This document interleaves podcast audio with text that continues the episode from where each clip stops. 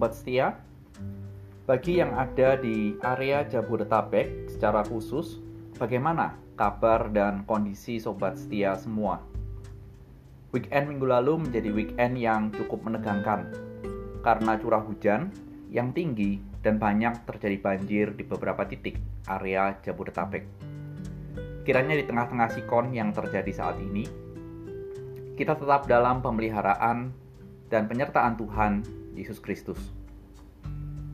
Dalam menjalani minggu yang baru, saya mengajak kita untuk kembali merenungkan firman Tuhan yang terambil dari Lukas 17 ayat 5 sampai dengan ayat yang ke-10. Dan saya memberikan sebuah judul Iman atau Taat.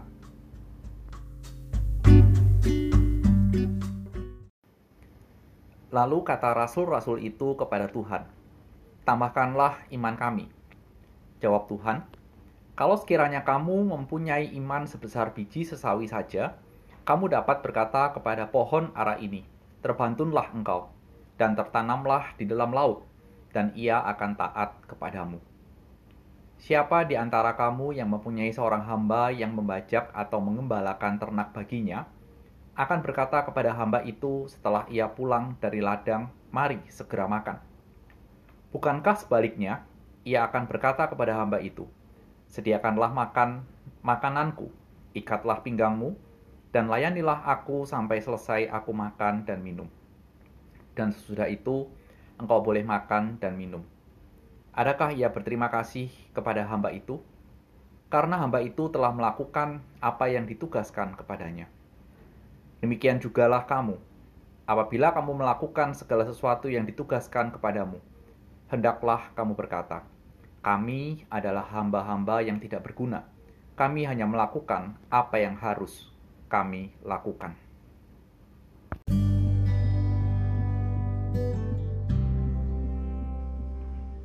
Mari kita sama-sama berdoa. Tuhan, biarlah melalui firman Tuhan, sekali lagi kami boleh memiliki pengharapan yang sejati di dalam Tuhan. Dan sekali lagi, biarlah hidup kami boleh menghidupi kebenaran firman Tuhan ini demi Kristus Tuhan.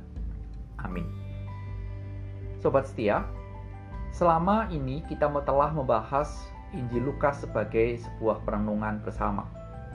Saya berusaha untuk merangkai dari satu bagian dengan bagian selanjutnya, sehingga cerita atau perikop yang kita baca sebagai sebuah seri cerita yang menyatu dengan cerita-cerita selanjutnya dan sebelumnya. Hari ini bagian yang kita baca merupakan suatu rangkaian dari cerita sebelumnya, di mana Tuhan mengajarkan kalau ada orang yang bersalah, tegur dan ampuni. Berapa kali? Tujuh kali tujuh kali. Yang memberikan sebuah indikasi angka bahwa ada harapan. Bahwa orang yang bersalah akan bertobat dan tidak mengulangi kesalahan yang sama. Oleh karena itu, mendapat sebuah ajaran seperti itu, murid-murid langsung meresponi ajaran Tuhan dengan mengatakan, "Tuhan, tambahkanlah iman kami." Mengapa mereka meminta tambahan iman dalam hidup mereka? Ini menjadi pertanyaan yang menarik untuk kita pikirkan dan kita kumpulkan. Dan kalau kita memikirkan apa yang diajar, apa yang diresponi oleh murid-murid Tuhan Yesus lekat dengan kehidupan kita saat ini. Kenapa demikian?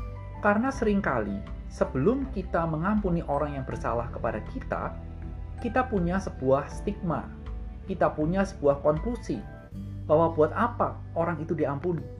Karena pasti dia akan berulah, berbuat begitu lagi, dan tidak bertobat, tidak berubah. Kita tidak yakin, kita ragu-ragu, dan tidak percaya. Sehingga ketika memahami kalimat ini, Kira-kira kalimat ini menjadi sebuah kalimat yang berbunyi adalah Tuhan, ajar aku untuk percaya. Ketika aku melakukan firman Tuhan, Tuhan sanggup mengubah orang itu dan hidupku sebagai instrumen di tangan Tuhan. Kira-kira seperti itulah kalimat ini kalau dipaparkan. Dan ini menjadi sebuah refleksi yang singkat bagi kita semua Sebelum kita lanjut ke dalam cerita atau kelanjutan dari cerita ini, pernahkah kita meminta hal yang sama yang diminta murid-murid kepada Tuhan Yesus untuk kita terapkan dalam hidup kita? Khususnya, Tuhan memberikan keyakinan kepada kita, iman, untuk kita mengampuni. Silahkan renungkan, sobat setia. Dan sobat setia yang dikasih Tuhan, kita melanjutkan cerita ini dengan melihat bagaimana respon dari Tuhan. Respon dari Tuhan mendapat permintaan seperti ini, inilah yang perlu kita cermati. Yang Tuhan katakan apa? Yang Tuhan ajarkan, responi dari permintaan murid-murid itu adalah Tuhan menyoroti apa yang menjadi akar permasalahan yang menjadi masalah bukan jumlah imannya, besar kecilnya, tapi kehadiran iman itu dalam hidup kita. Sehingga Tuhan memberikan sebuah gambaran. Kalau iman sekecil biji sesawi hadir dalam hidup kita, bayangkan sebesar biji sesawi, hal-hal itu, iman itu akan banyak menyelesaikan hal-hal yang mustahil dalam hidup kita. Inilah kira-kira yang Tuhan ajarkan. Dan berhenti sampai di sini, saya minta kita semua untuk memperhatikan. Jangan dipahami bagian ini jangan dipahami dan ditarik ke area di mana kalau kita berdoa, doa kita tidak dijawab, maka kita mengambil sebuah kesimpulan kita kurang iman. No, konteks dari ajaran ini berbeda mari kita sama-sama waspada dalam memahami Alkitab.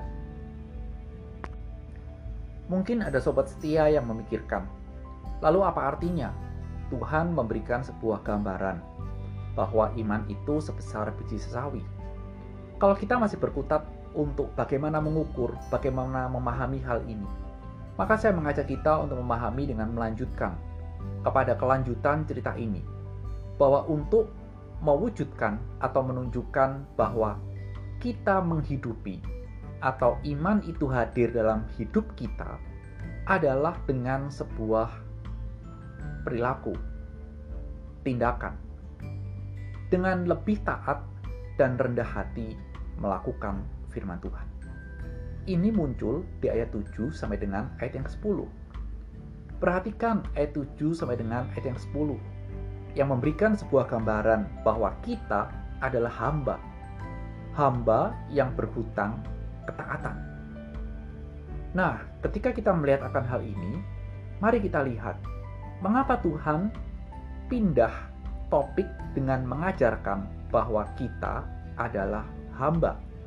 Dan ini menjadi satu hal yang boleh kita katakan harus digarisbawahi. Perhatikan hidup kita saat ini di tengah-tengah pusaran dunia. Kita hidup di tengah-tengah sebuah pusaran di mana orang menempatkan fokus hidupnya kepada diri sendiri. Untuk apa? Guna mencapai apa yang dia inginkan. Mari kita sama-sama bercermin. Apakah ada orang yang tidak hidup dengan memfokuskan kepada diri sendiri, memiliki sebuah keinginan yang ingin kita raih? Rasanya kok tidak ada. Dan kita hidup di tengah pusaran dunia bahwa orang ingin menjadi orang yang dapat diandalkan. Kita ingin menjadi sebuah andalan yang berujung kita mendapat nama, kita terkenal, dan hal itu dapat dengan mudah, kalau semuanya itu tercapai, dapat dengan mudah membuat siapa pun orangnya menjadi sombong. Sobat setia, yakinlah, kecenderungan kita sebagai manusia berdosa, manusia dapat dengan mudah berkaitan dengan sombong. Apalagi bila terkait dengan sebuah tugas yang sulit dan kita pikir itu semua terjadi atau terlaksana karena kemampuan dari diri kita. Meskipun kita sering kali menyadari atau mengakui, bukan, tapi inilah yang sering menjadi pergumulan secara tidak langsung dalam kehidupan umat manusia. Dengan mengajarkan hal ini, suatu hal yang sangat kontras dengan sikon dunia saat ini, kita perlu bertanya, apa yang mau untuk Tuhan tuju ketika mengajarkan hal ini? Perintah ajaran Tuhan sering kali sangat sulit. Dan ketika hal sulit yang Tuhan perintahkan dalam hidup kita, itu kita bisa lakukan, biarlah itu membawa kita untuk bertumbuh dalam ketaatan dan kerendahan hati kita. Dan ketika kita berhasil menjalankan itu, marilah kita sama-sama menyadari di hadapan Allah kita adalah hamba-hambanya yang melakukan yang seharusnya kita lakukan sehingga nama Tuhan dimuliakan. Sobat setia, selamat merenung, selamat berefleksi, kiranya firman Tuhan dan roh kudus boleh sekali lagi mendorong kita untuk hidup dalam ketaatan dan kerendahan hati. Amin.